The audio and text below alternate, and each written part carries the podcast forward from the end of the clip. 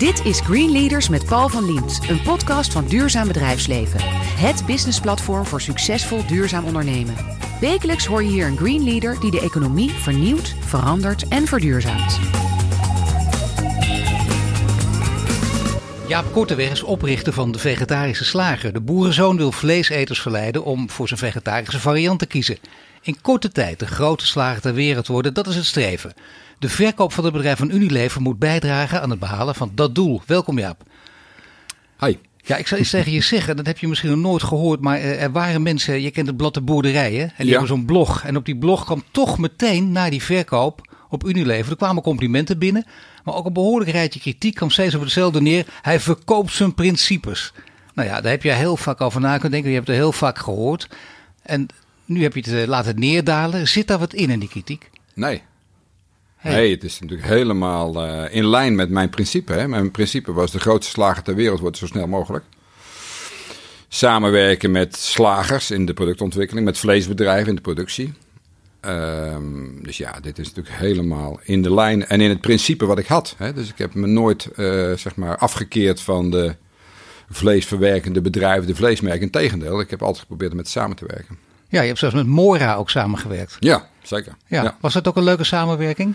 Dat is een leuke samenwerking. Fantastisch, want eh, we hebben met hun de draadjevlees, kroket en bitterbal eh, ontwikkeld. Ja. En de Dat zou echt niet kunnen, hè? Dat, dat weet ik. al. Dat heb ik Ja. ook gedacht dat het niet kon, maar dat benadert de smaak toch ook voor heel veel procent, of niet? Ja, dat is een, echt een, dat is een heel geslaagd product. Dus eh, ze hebben bij Mora intern hebben ze hun eh, verkoopteam voor de gek gehouden met die eh, nieuwe draadjesvlees, bitterbal en kroketten. Ja, dat is het leukste. Ja. En, en die hadden niks in de gaten. En, Nee. eh, en nu is de kipcorn eh, voor een vegan award genomineerd. Hè, dus de- de- ook in, in, in die kant wordt het begrepen.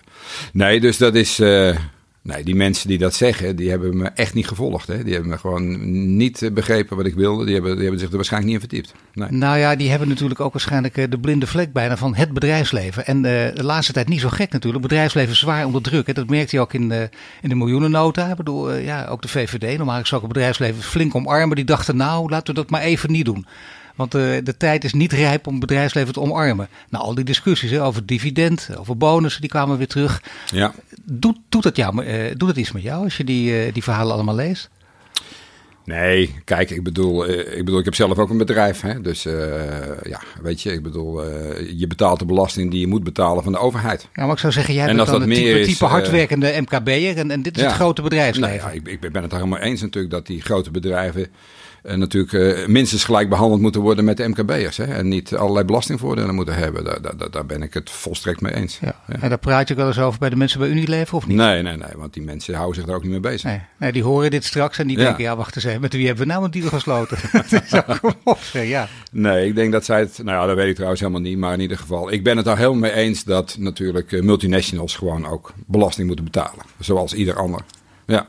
Nu weet je dat, eh, wat er met Unilever gebeurt. Die dividenddiscussie, heb je je daar nog in verdiept? Of dacht je die laat ik lekker helemaal voorbij gaan? Ik heb me er niet echt in verdiept, maar eh, ik heb natuurlijk een beetje de kranten gelezen. Dus ja. Nou ja, goed, maar daar ging het eigenlijk ook hier weer om. Hè? Dat je denkt, waarom worden zij bevoordeeld ten opzichte van de anderen? Ten opzichte, dat- van de ook- Ik heb dat gemiddelde- ook nooit begrepen. Nee, ik vind het onverstandig. Ik bedoel, dat zet gewoon. Dat, dat, dat is niet uit te leggen aan, eh, aan het MKB, aan gewone mensen. Dat is, dat is, nou ja, ik, ik, ik, ik, ik vind het niet uit te leggen. Hè. Het Maar is- wat je het is wel natuurlijk uit een soort dat je dat wereldwijd doet. Een soort red race naar eh, nul belasting. Ja, om bedrijven binnen te halen, dat is natuurlijk een, nou ja, dat vind ik een hele slechte keuze. Ja. Nou ja, maar gelukkig is er nu een kentering gaande, dat er natuurlijk toch wereldwijd eh, zoveel verzet komt dat er, nou ja, hoop ik toch gewoon eensgezindheid komt op dat punt. En dat landen elkaar afspraken maken hoe ermee om te gaan. Hè. Ja, zo klink je als de man die eh, een jaar of tien geleden zei... mijn politieke keus valt uit op de SP. Jan Marijnissen word je toen een bevlogen Ja, nee, leider. klopt. Ik ben, eh, hè, dus ik ben voor ik eh, Partij van de Dieren ging stemmen, voor die, voor die zeg maar begonnen is, Ja. eh, stemde ik SP. En nou ja, ik was tegelijkertijd ondernemer, dus dat kan. Ja. Dat kan inderdaad. Heb Ja. je zelfs in het blad met VNO en CW verteld. hè? De werkgeversverenigingen, die begrepen er niks van. Maar later toch weer wel toen je het uitlegde. Ja. Waar, waar stem je nu op, als ik vragen mag? Ja, er zijn nu geen verkiezingen, dus ik stem op dit moment niet. Nee, maar dat is de volgende keer, nou, ik moet, dat, dat ga ik gewoon dan bekijken. Ik ben, eh, ik ben wat dat betreft eh, niet heel erg honkvast in die zin dat ik het dan beslis als er verkiezingen zijn. Maar Partij van de Dieren, dat, dat hoeft niet meer. Jawel, dat zou prima kunnen. Zeker. Oh, toch? Jawel, maar niet bijvoorbeeld uit rancune nee of zo. Omdat je van Marianne Thieme af bent dat je denkt, eh, ik ga een beetje op die partij stemmen. Maar zit je wel in die hoek, laten we zeggen de linkerhoek. Ja, ik ben een groot voorstander bijvoorbeeld van het basisinkomen.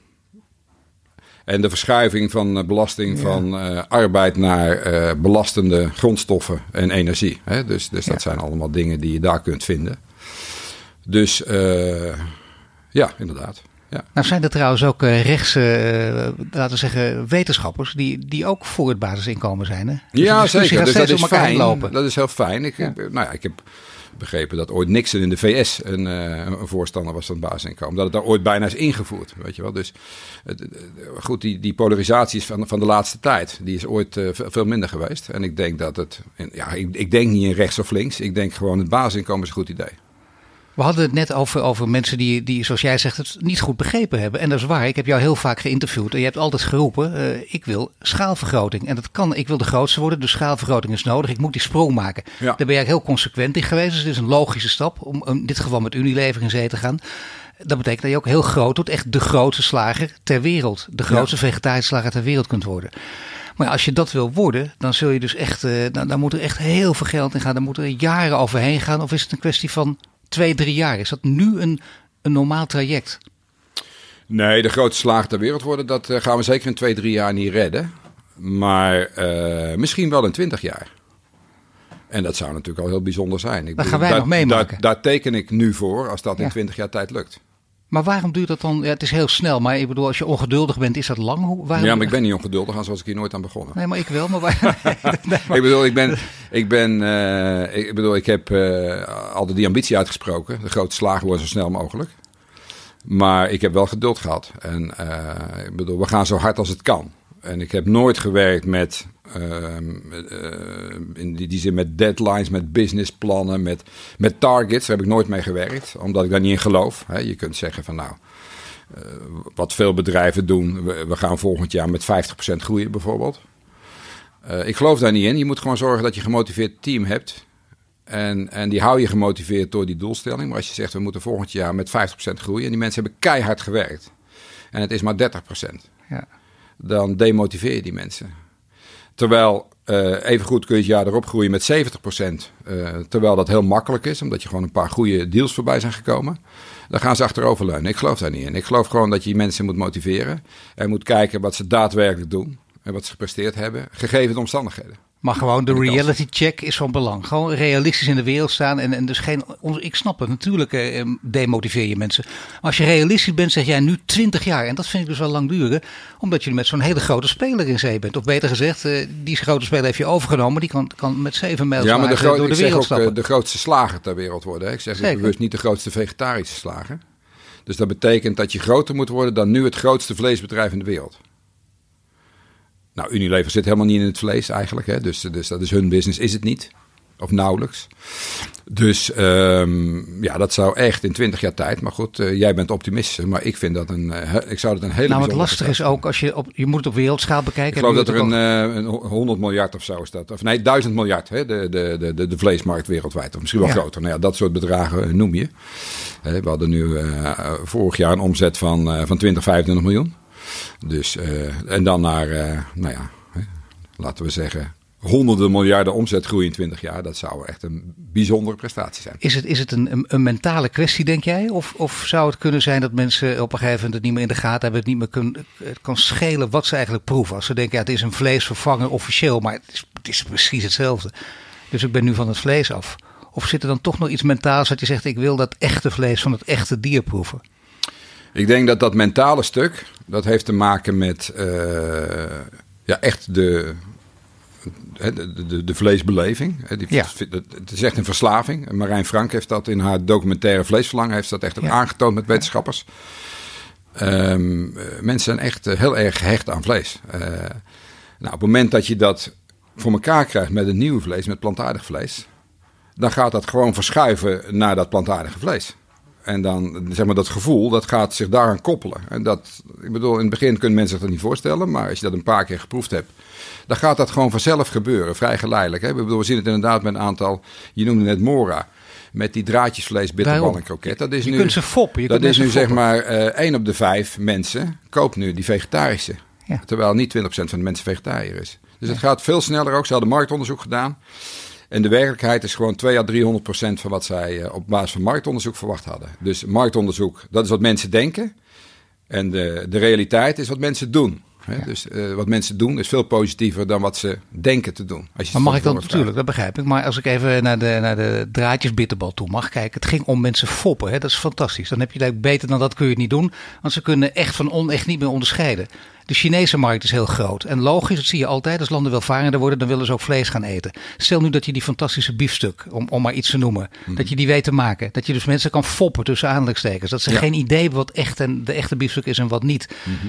Dan heb je natuurlijk wel een zinnige markt in handen. Als, dat, als je dat voor elkaar krijgt. Of speelt dat het betalen dan nog steeds een rol? Uh, dan loop je natuurlijk wel echt tegen uh, wettelijke eisen aan. Ik bedoel, mensen moeten uh, weten wat ze eten. Hè? Dus ik bedoel, je, je, zeg maar, in, in, in, de, in de winkel mag je ze niet foppen. Hè? Je mag natuurlijk niet een product verkopen en daar biefstuk op zetten van, van een rund, terwijl het een vegetarische biefstuk is. Dat mag simpelweg niet. Dus ik bedoel, zo zal het, dat, dat kun je natuurlijk een keer doen voor de grap. Maar zo zal het niet gaan. Mensen zullen weten wat ze eten, zullen er ook bewust voor kiezen. Maar wat je nu ziet, eh, we doen dat natuurlijk toch op grote schaal. Uh, laatst met het uh, MKB-congres ook. 2000 ondernemers waren daar, MKB-ondernemers. Die hebben ze voor de gek gehouden met onze hamburger. Dus ze hebben daar schalen rond laten gaan met 30 broodjes hamburger erop. In twee broodjes een prikkertje vegetarisch. En mensen konden kiezen, dachten ze. Maar ze waren allemaal vegetarisch. en mensen ook gevraagd. Je kunt terugzien uh, bij RTL op uitzending gemist. En iedereen trapte er gewoon in. En, uh, maar het, het, het, het, leuke is dat het ook heel positief werkt. Dus mensen voelden zich helemaal niet, uh, waren helemaal niet boos of zo. Integendeel, er gaat als het ware een soort luikje open. Ze zeggen van, potverdorie, dit kan. En zo gaat dat, zo gaat het werken. Is het, heeft, het, heeft het, is het bij jou ook zo gegaan? Kijk, uh, ik, ik, ik snap het, hè, dat je ook gewoon, gewoon uh, puur vanuit uh, het idee, jij bent de vegetarische slager. Dus ja, jij gaat niet roepen dat het, dat het niet zo goed is. Maar ben je, je bent zelf wel een vleeseter van huis uit. Dus ja, dan nou, hou je ervan. Een vleesliefhebber. Je, hebt, je weet hè, dat het dus door wetenschappers neergezet is. Het is verslavend, kan verslavend werken. Ja. Proef jij de verschillen nog steeds? Ja, ik eet natuurlijk geen vlees meer van dieren, al lang niet meer dus, ehm, maar ik heb het nog wel in mijn geheugen zitten. En, en wat ik natuurlijk doe, is kijken naar die producten die wij ontwikkelen nu. En, en, en roepen die dat beeld wat ik in mijn uh, geheugen heb zitten, die, die ervaring, roepen ze dat op. Ja. En dat, uh, dat gaat goed. Dat gaat goed. dat gaat goed. Ja, nee, dat klinkt ook heel maar goed. ik ga het niet, ik bedoel, ik ga het niet eens proeven naast het origineel meer. Dat doe ik, dat heb ik natuurlijk nooit gedaan. Gaat het ook goed met jou, nu je afscheid hebt genomen van je eigen vegetarische slager? En je bent nog adviseur, je bent nog het boegbeeld, maar niet meer zo druk als voorheen. Hoe gaat het nu? Uh, nou ja, ik ben in ieder geval met die stap ontzettend blij. Uh, dus ook nu daarna, ik heb natuurlijk toen die beslissing genomen, maar nu ook zeg maar negen maanden na datum ben ik, ben ik een heel gelukkig mens met, met, met in ieder geval die beslissing. De samenwerking met Unilever is bijzonder prettig. als ik zie wat zij nu aan het doen zijn en wat ze van plan zijn de komende jaren. Ja, dat hadden wij op eigen kracht nooit voor elkaar gekregen. Maar wat zie je dan waar je gelukkig van wordt? Nou ja, de enorme investeringen die zij doen. Hè? Dus, dus, en plannen die ze hebben in het buitenland. Nee, natuurlijk, maar vertel er eens iets over. Wat voor plannen, wat voor investeringen? Ja, ik kan daar niet alles over vertellen. Jawel, dat kan nee, ik ga er zelfs helemaal niks over vertellen. Maar neem van mij aan dat er veel gaat gebeuren de komende jaren. Ja, maar dat kan niet. Dat zo werkt dat niet meer. Kom op, hè. Ja, ja, het is, ja uh, toch wel. Het is 2019, uh, dat kan niet meer. Nee, je moet iets transparanter zijn, toch, hè? En wat geeft dan één ding prijs, waar, waar je, waar je uh, gewoon blij van wordt? Ja, nee, ik, ik, uh, ik ga er niks want dat is ook niet zo zinvol. Maar ik bedoel, als ik zie wat er nu aan plannen ligt voor introducties in het buitenland. Ja, dan is dat uh, een, een, verveelvuldiging van de omzet in korte tijd. Nee, dat snap ik. Dat is wat je ja. wil. Wanneer gaan we dat zien? Wanneer kunnen we checken wat jij nu zegt? Mm, ik denk al, even een gokje, maar dat we zeg maar, laten we zeggen, binnen drie, vier maanden, dan is daar al heel veel van te zien. Maar ja, en, dat, en dat heeft natuurlijk allemaal voorbereiding gekost. In Nederland of ergens anders? Nee, uh, uh, internationaal. Dus, Wereldwijd? ja, ja. Dus zeg maar zoals jij zelf ook je producten verkoopt, van België tot Zuid-Korea? Ja, ja. Nou, ik ben benieuwd, we houden dit in de gaten. Ik zat nu op de tape. Ja. Je hoort Jaap Korteweg, de oprichter van de Vegetarische Slager. Net sprak hij over het bedrijf en de overname van Unilever. En zo praten we verder over hoe zijn omgeving reageerde op zijn vegetarische plannen.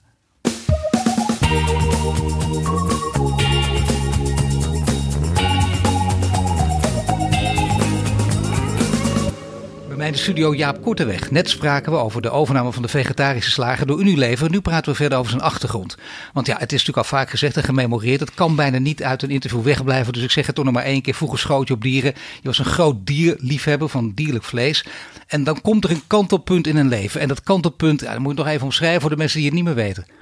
Wat was het kantelpunt? Um, ja, echt het kantelpunt, dat was de varkenspest.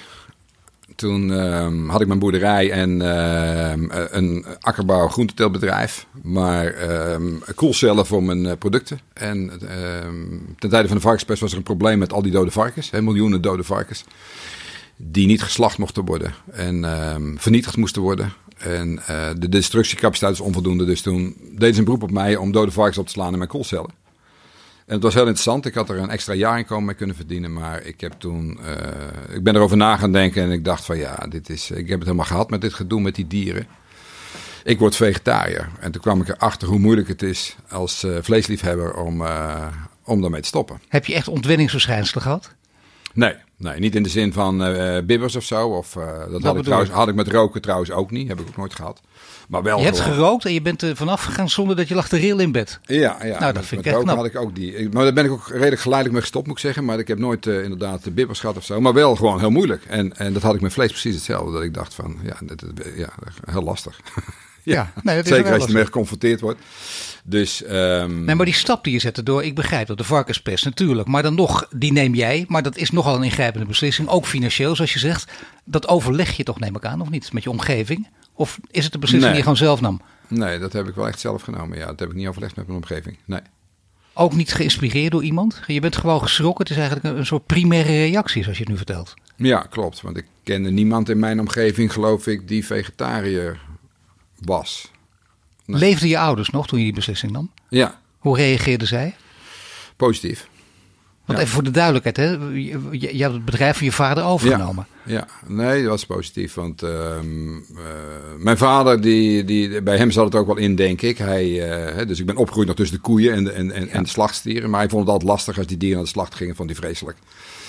En uh, ik weet zeker dat mijn vader, hij heeft het niet meer meegemaakt dat ik de vegetarische slager begon. Maar als hij dat mee had gemaakt, had hij fantastisch gevonden. Want je vader heeft nooit dieren geslacht? Nooit zelf geslacht? Nee, nooit Nooit een kippertje de nek omgedraaid? Nee, nee, nee. En ook niet gedood, want dat vond hij vreselijk. Nee. Dus mijn vader was daar uh, redelijk uitgesproken in. Was ook niet zo'n vleesliefhebber trouwens. Mijn moeder wel. Dus uh, ik, ik heb het meer van mijn moeder dan van mijn vader, denk ik. Maar toch gek, hè? Bourgondisch familie, die, uh, familie uit Brabant en dan ja. niet, niet allemaal gek op vlees.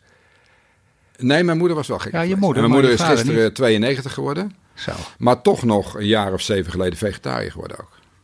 Nee, toch? Ja, ja, ja. ja. En, dus en, en die, denk nee, je... dus in mijn familie was dat, uh, was dat helemaal geen punt of zo. Mag nee, ik even, hoe komt het jouw moeder? Want als je op die leeftijd, dat vind ik wel bijzonder, dat je 85 bent en ja. dan de beslissing neemt om vegetariër te worden. Ja, mijn moeder is toch ook, hè, ondanks dat zij zo'n vleesliefhebber was, maar ook een dierenvriend, een enorme dierenvriend, is ze daar toch van het begin af aan uh, heel enthousiast over geweest. Ja, ik heb vanuit mijn familie nooit enige, neg- in tegendeel, alleen maar uh, dat ze dat wel. Ja, maar even, waar, waarom ja. werd ze vegetariër? Ik vind dat echt namelijk heel bijzonder. 85, dat, dan heb je sterke geest als je dat kan. Ja, omdat ze onze producten. Kijk, ze zat, mijn moeder zat natuurlijk dicht bij het vuur. Ik gaf daar natuurlijk van alles af. En uh, ja, dus ze vond het op een gegeven moment ook gewoon prima. Hè? Dus, dus, en het verhaal natuurlijk, dat, dat, uh, dat snapte ze ook helemaal. Dus ik denk dat ze wel dezelfde idealen deelt. Heb jij ooit iets anders, iets anders dan boer willen worden? Toen ja, zeker. Was? Ik wilde helemaal geen boer worden. Ik wilde woudloper worden als kind. Hey. Ik wilde helemaal geen boer worden. Want mijn vader was een harde werker. En um, die in zijn eentje werkte. En dat leek me ontzettend saai. Dus ik dacht, ik word geen boer. Ik wil woudlopen. En dan is natuurlijk woudlopen ook wel een eenzaam beroep. Ik wou net zeggen, ja. Maar goed, dat vond ik dan wel prima. Dus, uh, maar ja, weet je, dat, dus dan praat ik echt uh, dat andere kinderen brandweerman willen worden en zo in die fase. Dus toen ik een jaar of, ja, een jaar of 14, 15, toen, toen drong toch wel door dat, dat, dat woudlopen, dat dat het niet ging worden in Nederland. En uh, dus toen ben ik, en op school maakte ik er helemaal niks van. Ik was lastig. Ik was eigenlijk, uh, ik werd overal weggestuurd. En, maar wat deed je dan? Uh, op school? Nou, weinig vooral. En wat ja. ik deed, dat was niet wat de bedoeling was. Dus nee. Dat was vooral de zaak ontregelen op school. Ik, ik maar, zag... maar is het propje schieten of gaat het toch iets verder dan dat? Uh, op de leraar schieten? Ja, ook. Ik had, ik had, ik had gewoon heel weinig ja, met het schoolsysteem en met leer en alles wat, wat dat vertegenwoordigde. Dus, nou goed, ik kom gewoon. Ik, had, ik bedoel, er waren natuurlijk prima mensen die leraren, maar ja, in ieder geval, ik, ik had absoluut niet. Uh, nee, ik, ik was er gewoon totaal ongeschikt voor. Gevoel voor eigen baas natuurlijk, dat zit er bij jou denk ik heel erg in. En een, vrijheidsdrang. En dan is er ja, lokaal opgesloten. inderdaad, anti-autoritair. Dus dat, dat, oh, dat ook? Ja, dat geloof ik wel. Ja. Maar hoe uitte zich dat dan? Want niet alleen door niets doen, maar toch ook dan ook, ook schelden of vechten? Mm, nou, nee, zo gek was het niet. Nou, we hadden op de lagere school nog één leraar die sloeg. Of een onderwijzer was dat. Dat, was net in die tijd, weet je wel, dat dat natuurlijk eigenlijk een beetje... Hè, we hadden één leraar die sloeg, dus die... Op een gegeven moment had ik een letter verkeerd op bord geschreven. De A, weet ik nog wel. En toen kreeg ik een klap van die man. Zo. En, uh, dus die schopte ik wel terug. en toen uh, kreeg ik nog een klap van hem. Dus toen ging ik naar huis. En, uh, mijn, en toen vertelde ik dat verhaal thuis. Maar mijn ouders waren het wel met me eens. Die zeiden, ja, die man die mag jou niet slaan als jij gewoon een letter verkeerd schrijft. Dus gaan we weer terug. Dus ik ging smiddags weer terug. En toen, uh, toen zei hij tegen mij dat ik mijn excuus aan moest bieden. En toen zei ik, nee, dat moet u doen. Want u heeft mij geslagen. En toen gaf hij weer een klap. En gaf ik weer een schop terug. Weer naar huis. En uh, toen s'avonds, toen, uh, toen heeft mijn vader die man opgebeld. En ook zeg maar, zijn kant van het verhaal gehoord. Maar toen is hij toch zijn excuus aan komen bieden. Want mijn lezing klopte wel. En nou ja, mijn vader was het niet eens met die aanpak. Nou, dat is mooi. Ik bedoel, dat, dat is gewoon goede solidariteit binnen de familie natuurlijk ook. Hè? Dat is waar. Heb jij achteraf spijt dat je dacht, had ik maar beter opgelet op school, dan was het allemaal nog sneller en beter met mij gegaan? Ja, dus uh, beperkt, maar uh, Engels. Uh, daar had, dat is eigenlijk iets wat ik altijd gemist heb. Dus, want ik heb, ja, dat is natuurlijk toch gewoon belangrijk. Dus dat heb ik. Ehm, maar dat is eigenlijk het enige. Ik moet zeggen, alle andere dingen die, kun je, die heb ik toch heel goed. En Engels had natuurlijk ook gekund, maar dat is bij mij er niet zo, goed, niet zo van gekomen.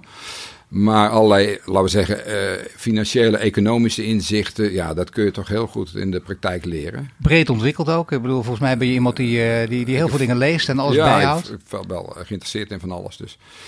Maar goed, dus eigenlijk het Engels is het enige. Dat heb ik altijd genoemd. En ik heb, uh, ik heb later nog een poging gedaan. Ik denk nu een jaar of zeven geleden, in de begintijd van vegetarisch slagen, ben ik nog in Vught geweest. Hè, wat dan vroeger Bij de nonnen. De, nonnen hè, dat zijn natuurlijk geen nonnen meer. Maar nee. Maar toen merkte ik Even dat in één week, voor de mensen die weten, in één week bijspijkeren. En één week ja, in één week bijspijkeren, dat is dan het verhaal. En dan maar mag je niks anders discipline, alleen maar Engels spreken. Precies, maar toen ging ik toch weer gelijk spijbel en mijn propjes schieten. En uh, het was dan heel bijzonder, want het, het was dan heel, zeiden ze dat ik toch in staat was om dan zo weinig te leren in een week. Ik had dat, dat was weer, weer uniek. Oh, dus dat was geen succes. Nee, nee, dat is ook al vrij bijzonder. Ja. ja. En daar nog iemand geslagen? Of, uh, nee, nee, nee, nee, nee, nee, nee. ik, ben, ik ben niet zo van het slaan hoor. Ik bedoel dat. nou, nou, je bent natuurlijk wel uh, ja, een aardige man, lijkt je ook natuurlijk. En je houdt van een geintje ook. En je, je hebt heel veel mooie successen beleefd in je leven. Maar de andere kant, ja, ook disruptief. Dat moet je ook zijn. Dat hoort ook bij innovatie. En zeker niet alleen in deze tijd, alle tijden. Maar ook sommigen zien het als niet collegiale. Als je bijvoorbeeld roept, je noemt jezelf de grootste bedreiging voor veeboeren. En dat gaat hij zijn eigen collega's gaan lopen afmaken nu hij het gemaakt heeft. Ja, maar ze vroegen het aan mij, hè? Dus het is niet nee, ongevraagd. Nee, nee ik was uitgenodigd op het Nationaal Pluimveecongres als spreker. En uh, dat vond ik natuurlijk leuk, want ik vind het heel, heel leuk om daar met collega's over te praten. Maar dus toen ging het erover, wat is de grootste bedreiging voor, voor ons? Vroegen ze aan mij ook. Ik zei, nou ja, dat ben ik. In ieder geval, dat hoop ik. Ja. Zo zei ik het. Ja. Want uh, ik wil gewoon dat, wij, uh, dat er een tijd komt dat we geen dieren meer nodig hebben voor al die heerlijke vleesproducten. Dat we dat direct van de bonen en de granen maken die we aan die kip en die varkens voeren. Zo heb ik dat gezegd. Ja.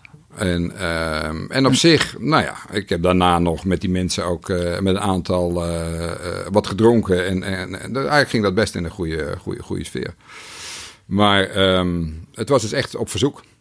Natuurlijk, maar dan gaat dat zinnetje worden uitgelicht. Is dat het een beetje? Het is ook ja. toch, het is toch de werking, ja, van, een de, beetje de anders, van, hè? werking van de media dan?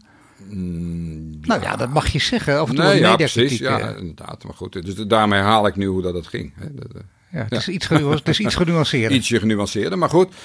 Het is wel zo. Ik bedoel, ik ben, ik, ik ben de vegetarische slag begonnen om een einde te maken aan de bio-industrie. Het gebruik van dieren voor, voor ons vlees. Dat is echt het ideaal. Omdat ik geloof dat als we dat voor elkaar gaan krijgen, dan zal daar niemand om rouwen. Dan zal iedereen er blij mee zijn. En terugkijkend daarop zal iedereen zeggen: Gut, wat een gedoe was dat met die dieren. Nou ja, je hebt in ieder geval daarmee. Toch, uh, nou ja, weet je, het, het, zijn.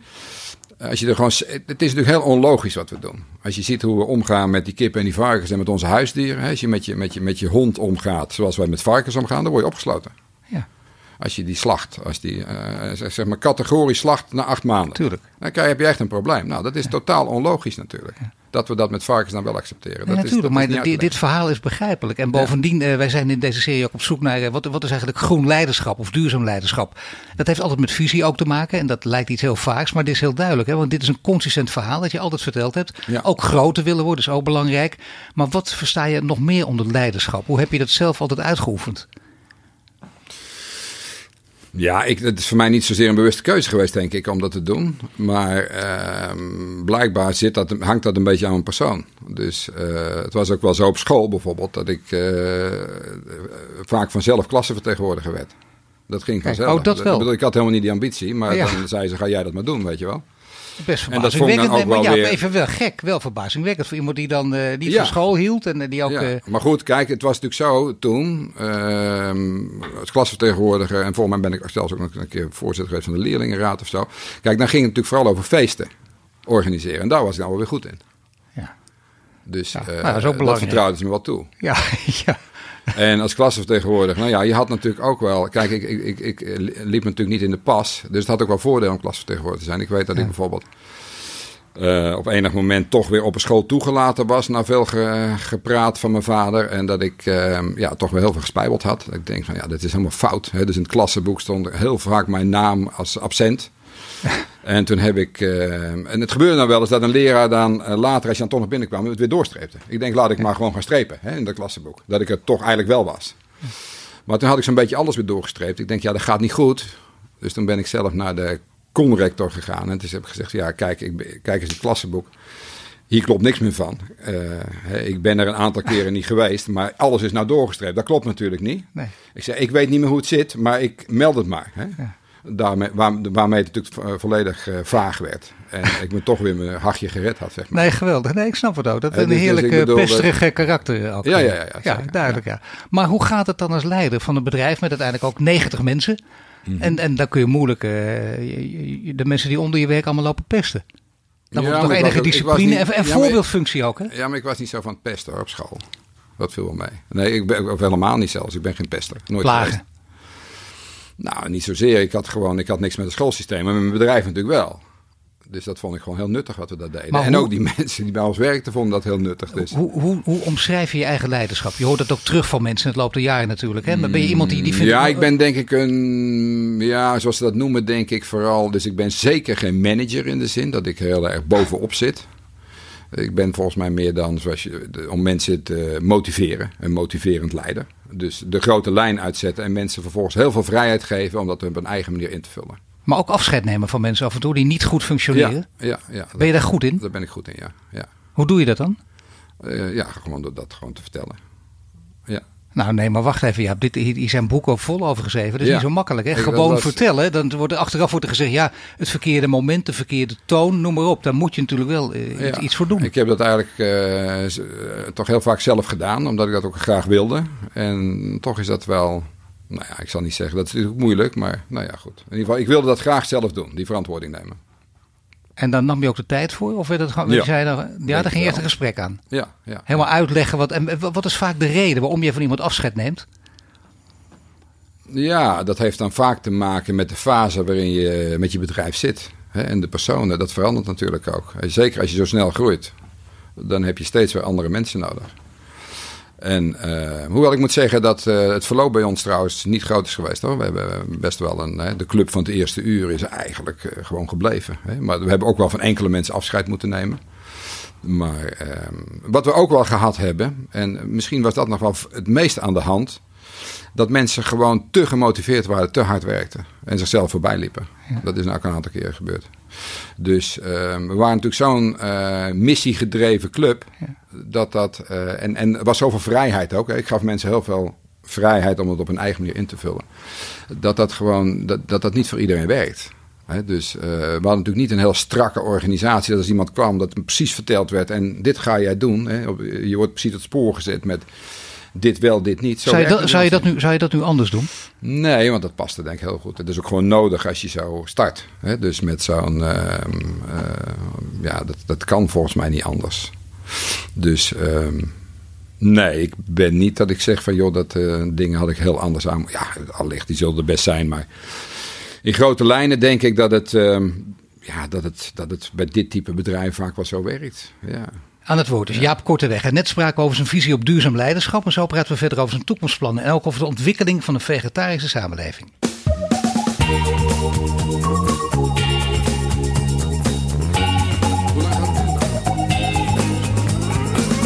Het hele verhaal uh, Ja, wij gaan nog even lekker lang doorpraten. Want uh, ja, u hoort hem al nu ook praten. Hij zet ook zijn koptelefoon op. Daar houdt hij helemaal niet van. Dat doet hij om een speciale reden. Ik zeg zo meteen waarom. Bij mij in de studio Jaap Korteweg. En net spraken over leiderschap, over grenzen oprekken. En nu praten we verder over innovatie. En over de vraag of vegetarisch de toekomst heeft. We hebben ook iemand hiervoor gesproken in onze serie. Dat is Louise Vettike, misschien hoogleraar ecologie, directeur ook van het Ecologie Instituut. En die had deze vraag voor jou. Ja, nou ja, heel mooi. Jaap begon natuurlijk met een uh, prachtig initiatief. Uh, dat bleef nog klein. Uh, we kennen het allemaal.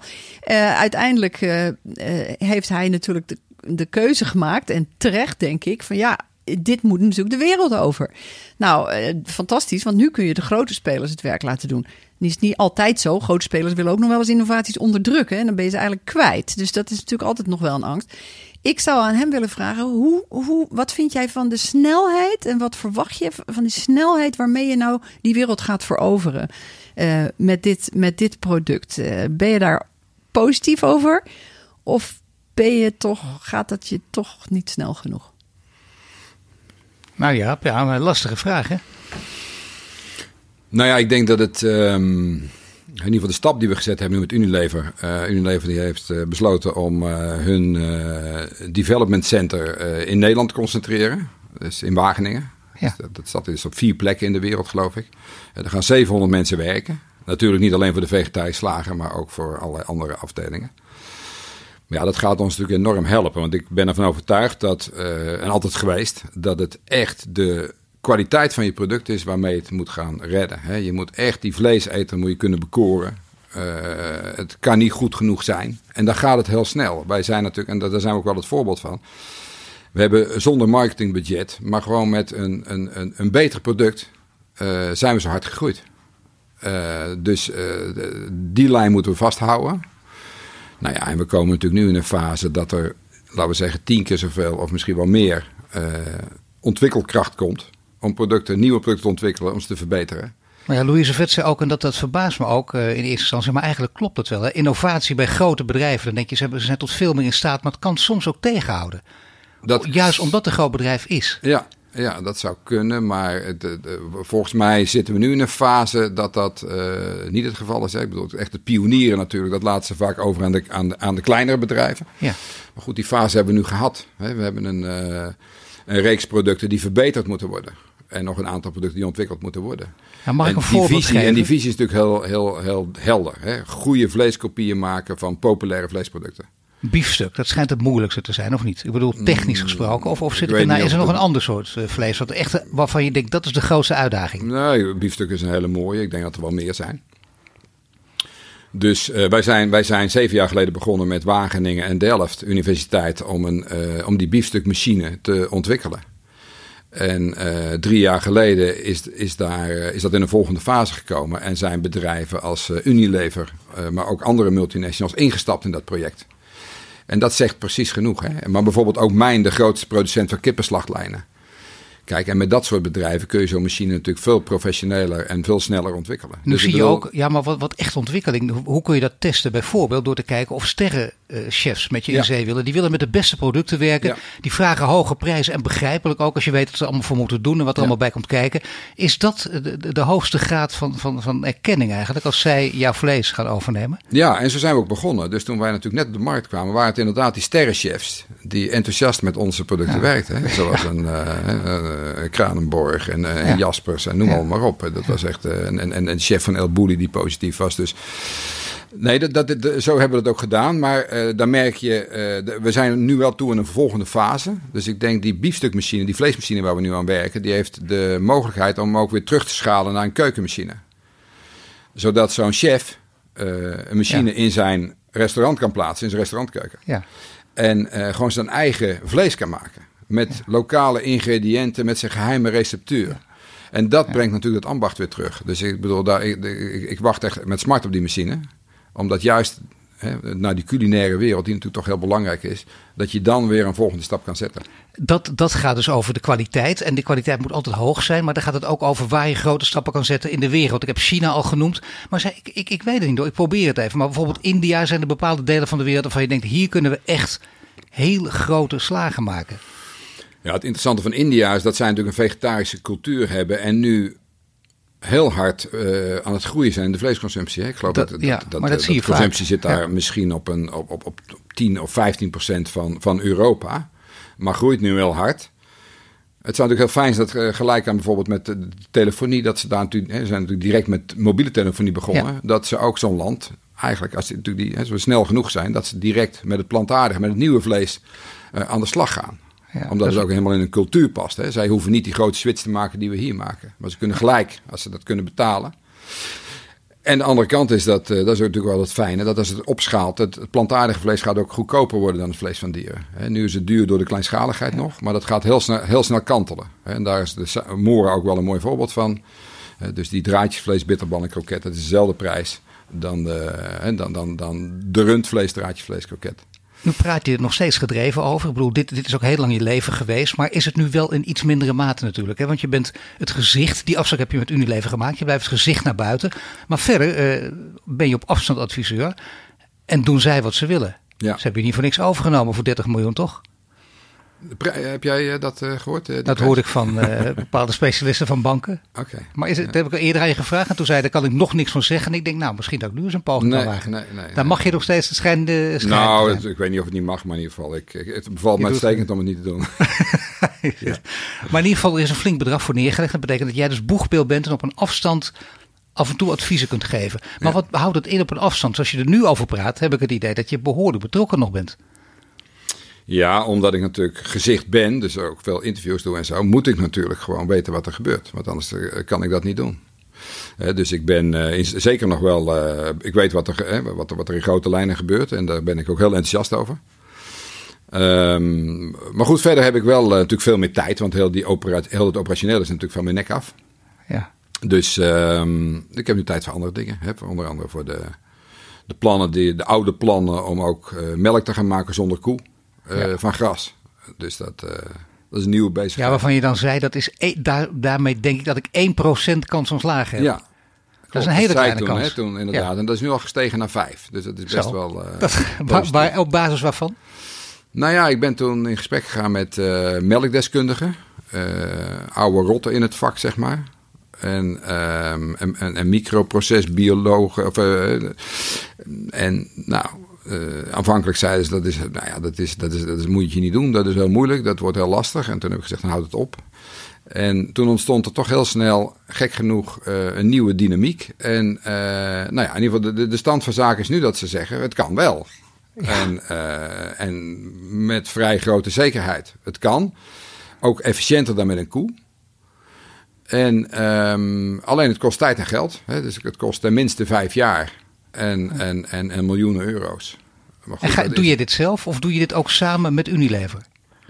Eh, nee, dat doe ik niet met Unilever. Nee, nee, nee, nee. Dat, doe ik, eh, dat doe ik samen met mijn compagnon, waar ik toen ook mee begonnen ben met vegetarisch slagen. Dus we zijn daar op dezelfde Met Nico Kofferman. Ja, ja. En er zijn nu ja, er zijn heel veel mensen die graag mee willen doen. En partijen en, en, en investeerders. Maar ik, ik, ik- begrijp ook als je het niet wil zeggen, maar ik ben toch wel nieuwsgierig. Hè? Welke partijen zijn dat? Welke Want dat, dat geeft aan dat, dat men er wel degelijk vertrouwen in heeft. Ja. Ehm, nou ja, dat zijn eh, in- investeerders, maar ook strategische partijen. Ik kan nog geen namen noemen. Maar eh, dat is wel leuk. Dus het zijn ook echt wel partijen die groot zijn in de, in de melk. Hè? Dus, dus, eh, dus, dus, eh, en dat is natuurlijk eigenlijk het leukst. maar Zoals we ook leuk natuurlijk met de vegetarische slagers ja. samengewerkt hebben met, eh, met, met topslagers en vleesbedrijven. Zo werken we natuurlijk nu graag samen met nou ja, hè, ook, ook de mensen die in, de- in de normale melk Maar als dit lukt, is dit, kijk, van 1 naar 5 procent in korte tijd inderdaad heel snel. Serieus investeerders erbij. Dat betekent dat weer een nieuwe disruptie gaat worden. Maar iets wat ook, wat, wat gaat het opleveren? Wat gaat het, want het is ook weer een, een keiharde missie. Om in jouw woorden te blijven. Wat, wat kan dit opleveren als, als je hierin slaagt? Nou ja, je ziet natuurlijk in de melkvaarderij toch een soort soortgelijke ontwikkeling als in de eh, intensieve vaarderij, de kip en de varkens. Dat dat natuurlijk grote bedrijven worden, eh, stallen met honderden koeien. waar gras ingaat en melk uitkomt. En ehm, ja, die dieren leveren natuurlijk een topproductie. Een koe geeft van nature misschien uh, duizend liter melk voor zijn kalf. Ehm, toen mijn opa eh, boer was, toen gaf een koe 2500 liter per jaar. Dat was dan al het, eh, meer dan het dubbele van een, zeg maar een, wilde koe. Ja. Toen mijn vader boer was, toen was dat 5000 liter. En nu is dat 10.000 liter. Dus die koeien leveren ook een topproductie. Dat, dat zijn natuurlijk een soort van plofkoeien eigenlijk. Ja. En um, nou ja, ik denk eigenlijk hetzelfde. Hè? Dus dat het heel fijn zou zijn als je dat zonder koeien kan doen. En dat er, dat heeft als gevolg, omdat het ook veel efficiënter is, dat je veel meer ruimte hebt voor koeien in het wild. Die we verder niet nodig hebben. Die mogen daar gewoon een eigen leven leiden en een eigen ding doen. Dat zou ik fantastisch eh, vinden. Ik ben een uh, groot natuurliefhebber. Um, en we gaan gewoon wat we nodig hebben. Dat gaan we op een beperkt landbouwareaal. We hebben dan misschien wel minder dan de helft van het huidige landbouwareaal nodig. Uh, dat gaan we doen zonder dieren. En we, laten, en we, hebben, we hebben, meer, dieren voor, uh, meer ruimte voor dieren in hun uh, natuurlijke omgeving. Heeft het bedrijf al een naam? Hè? Het vorige bedrijf heette de Vegetarische Slager. En hoe heet ja. dit bedrijf? Um, nou, voorlopig de werknaam is de Veganistische Melkboer. De Veganistische Melkboer. Dat is voorlopig de, ja. ja. Nou, geweldige naam ook. Goeie naam moet ik zeggen. Ik bedoel, ik weet niet of dat een blijft, maar in ieder geval dat is een voorlopig. Hè? Ja. nou ja, het blijkt dat je, kijk, dat is altijd de verschrikkelijke vraag natuurlijk over het zwarte gat. Hè? Omdat je nu negen maanden weg bent en dat je heel ja. intensief keihard gewerkt hebt.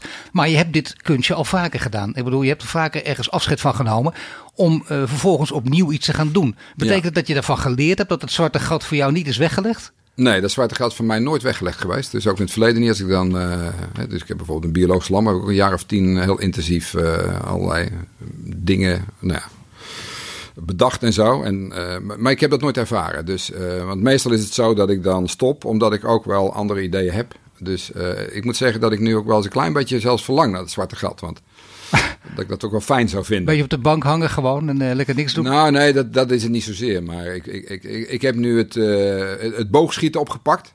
Vind ik ontzettend leuk.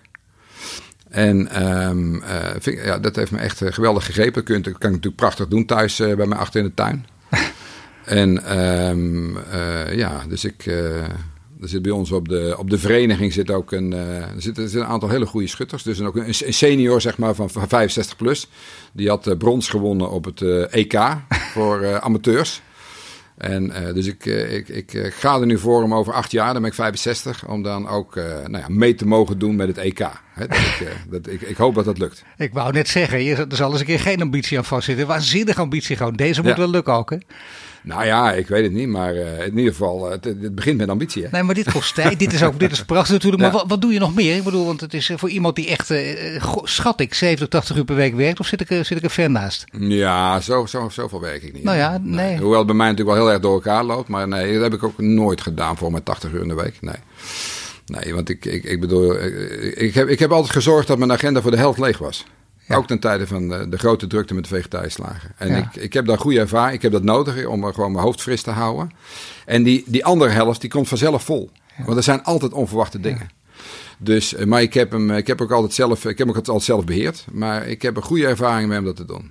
Het is ook een wijze les trouwens, hè, voor veel mensen inderdaad. Eh, doe dat nou niet. Als je dat helemaal vol plant, dan krijg je het leven van de minister en je wordt volledig geleefd. Wordt- ja, ze allemaal, ik- na- ze allemaal precies. na afloop, hè, Ik- erg het is. Absoluut. En ik, ik denk ook echt dat het slecht is voor het land dat ministers zo vol gepland zitten. Ik bedoel, Ja. die mensen moeten tijd hebben om na te denken. Ja. En als, jou, als je 80 uur in de week werkt, heb je dat niet meer. Dat is gewoon niet goed. Nee. Dat is niet goed voor de kwaliteit van hun eh, vak. Nee, dat, dat zou je wel eens gelijk in kunnen hebben. Minister van Landbouw, is dat iets voor je? Nee. Nee. Ook niet als een partij je vraagt. Nee, nee Waarom Voor mij. Nee, omdat, omdat ik denk dat ik... Kijk, dan, dan word je natuurlijk toch ja, ook wel een beetje voor een karretje gespannen. En dat- oh ja, natuurlijk. Was ik helemaal vergeten, ja. Want dat is iets wat dat is het allerlaatste wat jij wil Ja, ik natuurlijk. bedoel, dan zou het, ik bedoel, dat, dat zou alleen kunnen werken als het zo is dat de landbouw mijn visie deelt op de toekomst van de landbouw. Nou ja, dat is op dit Ja. moment denk ik niet het geval. Misschien komt dat ooit nog eens, hè, maar ik denk dat dat nu niet het moment is. Nee, ik snap het. Jij houdt er niet voor, voor dieren niet, maar voor jezelf ook niet om opgehokt te zitten. Je wil ook door niemand vastgehouden worden. Nee. Vind ik het toch best een prestatie dat we jou hier drie kwartier vast hebben weten te houden. Ja, En je hebt toch een hele hoop verteld. Daar ben ik heel blij mee. Doe je gelukkig altijd. Ik dank je. Veel succes met alles wat je doet. Jaap Korteweg. En je luistert naar de Green Leaders podcast van Duurzaam Bedrijfsleven. En volgende week zijn we terug met een nieuwe Green Leader. Dit was de Green Leaders podcast voor deze week. Volg onze website voor meer nieuws over succesvol duurzaam ondernemen. Wil je meer afleveringen luisteren? Abonneer je dan nu via iTunes of Spotify en krijg een melding wanneer er een nieuwe podcast online staat.